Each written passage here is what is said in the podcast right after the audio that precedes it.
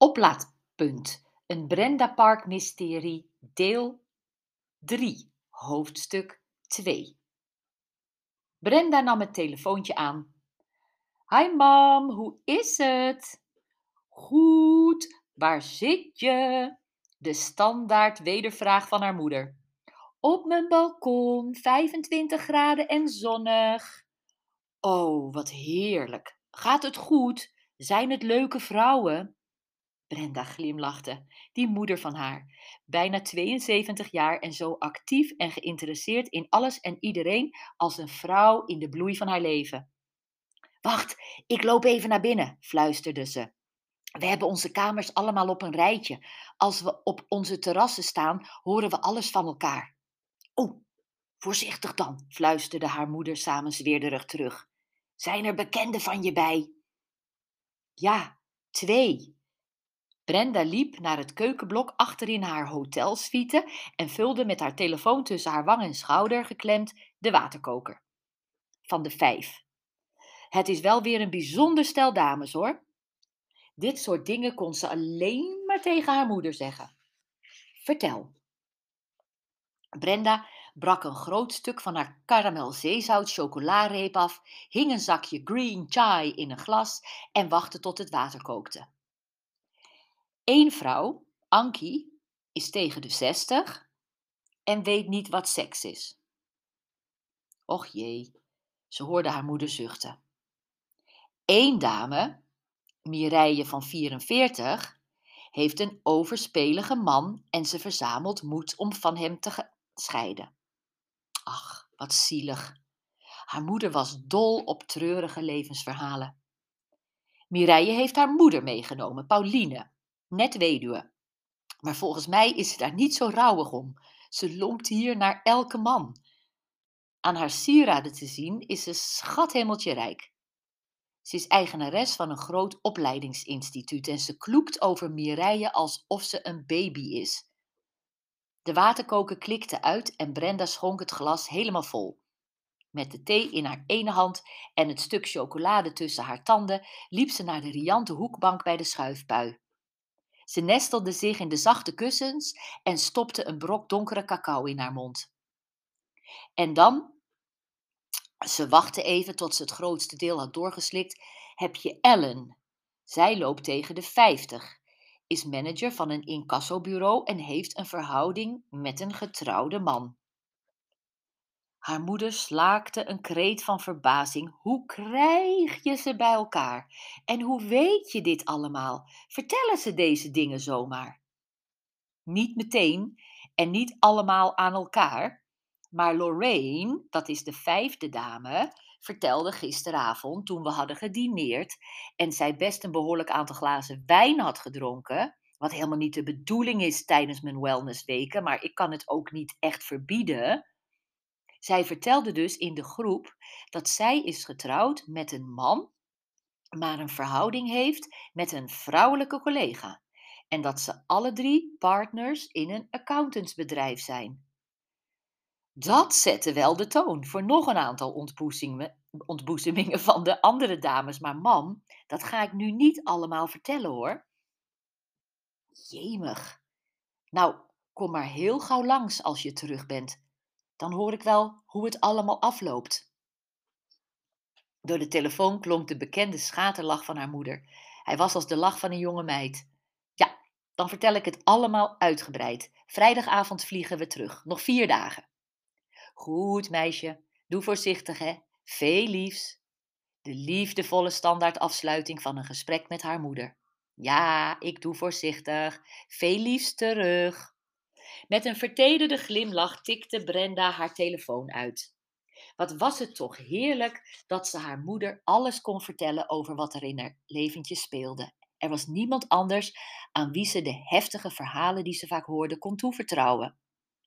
Ook nu was alweer duidelijk dat er van alles speelde. Vanaf het moment, twee dagen geleden, dat zij de vijf bleekneusjes op Lorraine met haar koffie met melkkleurige huid die onwennig in hun winterjassen in de lobby stonden, had begroet. Ankie was een repeater, een dame die vaker meeging op Brenda's retreats. Ze had zich met haar hele lengte van 1,55 meter tegen Brenda aangeworpen en gesnikt: Ik ben er zo aan toe om met jou te praten. Pauline, de oudste van de groep en volgens de informatie die op haar inschrijfformulier stond, drie maanden weduwe, zag er opvallend stralend uit.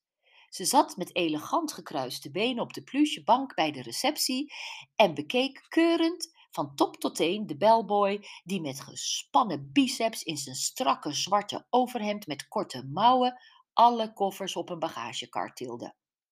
Paulines dochter Mireille, volgens de papieren 44 jaar, maar met net zo'n vermoeide blik en houding dat ze wel tien jaar ouder leek, zat lusteloos naast haar moeder. Lorraine en Ellen kenden elkaar niet, maar hadden duidelijk meteen een klik. Nou, daar hebben we het zeker nog over, hoorde Brenda Ellen, ook een repeater die ze vorig jaar tijdens het retreat in Turkije voor het eerst had ontmoet, zeggen. Brenda had haar moeder graag verteld dat haar favoriete uitspraak niets is wat het lijkt, ook hier weer een waarheid als een koe was. Maar de golf van liefde die ze tijdens het telefoongesprek plotsklaps voelde, maakte dat de stress van zojuist helemaal weg was en ze het zeker wist. Voordat de liefdevolle warmte weer zou wegzakken, haastte ze zich om een berichtje naar Robert te sturen. Ze tikte. Heb je zin in een paar dagen zon? Kom naar Portugal. Het moest er nu maar van komen.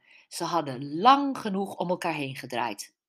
Robert was duidelijk zeer voorzichtig in zijn toenaderingen, waarschijnlijk uit angst om haar te overrompelen. Nou, dan overrompelde zij hem wel. Het leven was te kort, de tijd te waardevol om te verspillen. Mijn god, dat had ze al veel te lang gedaan. Maanden en maanden had ze om een man getreurd en in de overlevingsstand gestaan. Of het nu de zon, de verhalen van haar deelnemsters of de woorden zo net van haar moeder waren, ze was ineens klaar met voorzichtig. En ze was klaar voor zijn antwoorden op de vele vragen die ze had. Haar telefoon trilde in haar hand. Alsof je het nooit zou vragen. Brenda's hart begon sneller te kloppen. Ze typte terug. Ik zal je vanaf nu alles vragen. Hmm, wat een vreemde opmerking. Waar haalde ze die nou vandaan? Voor ze het wist, had ze op verzenden getikt. Ze keek op haar horloge, kwart voor één. Om één uur had ze een kennismakingslunch met de nieuwe eigenaar van het Lindo Algarve Spa Resort. Ze gooide haar mobieltje op bed en trok haar bikini uit. Ze had Luis Cardozo bij haar aankomst twee dagen geleden even gezien. Een man van middelbare leeftijd, met strak achterovergekamd zwart haar en een buik zo bol als haar grote pilatesbal. Hij had haar met een goedkeurende knik van boven tot onder bekeken. Brenda had een ekel aan mannen die dat zo opvallend deden en had hem ook uitgebreid van zijn lakschoenen tot zijn gelkapsel opgenomen. Toen ze zijn blik had gevangen, had ze licht hoofdschuddend geglimlacht en had hij met een verontschuldigde schuldigende blik van ik kan er niets aan doen, zijn schouders opgehaald. Vanochtend had er een briefje onder haar kamerdeur gezeten. Meneer Luis Cardozo zou vanmiddag graag met u lunchen. Brenda had de lunchafspraak bij de receptie bevestigd en nu moest ze nog opschieten om op tijd in het restaurant te zijn. Louis was klaarblijkelijk een man met oog voor vrouwelijk schoon en schoon wilde ze op zijn minst wel voor hem zijn. Ze bond haar haren met een elastiekje bovenop haar kruin vast en stapte de inloop regencabine in. Ze liet de douchekop tot haar schouder zakken en kneep een klodder badolie uit een flesje dat op een plankje in de douche stond. Het rook heerlijk. Duur. En dat was het vast, want niets aan dit resort was goedkoop. Misschien behalve de directeur, dacht ze grinnikend. Toen ze zich had afgedroogd en een fleurige blauwe bloemetjesjurk over haar bodyshaper had laten glijden, schudde ze haar blonde haren los en tekende een koollijntje in haar bovenooglid. Ze depte wat lipgloss op, stapte in haar wedges en greep haar kamersleutel. Ze checkte nog even of Robert geantwoord had en haar adem stokte in haar keel bij het lezen van zijn appje. Wees voorzichtig met je vragen. Ik kan omgaan met al jouw antwoorden. Kan jij dat ook met de mijne?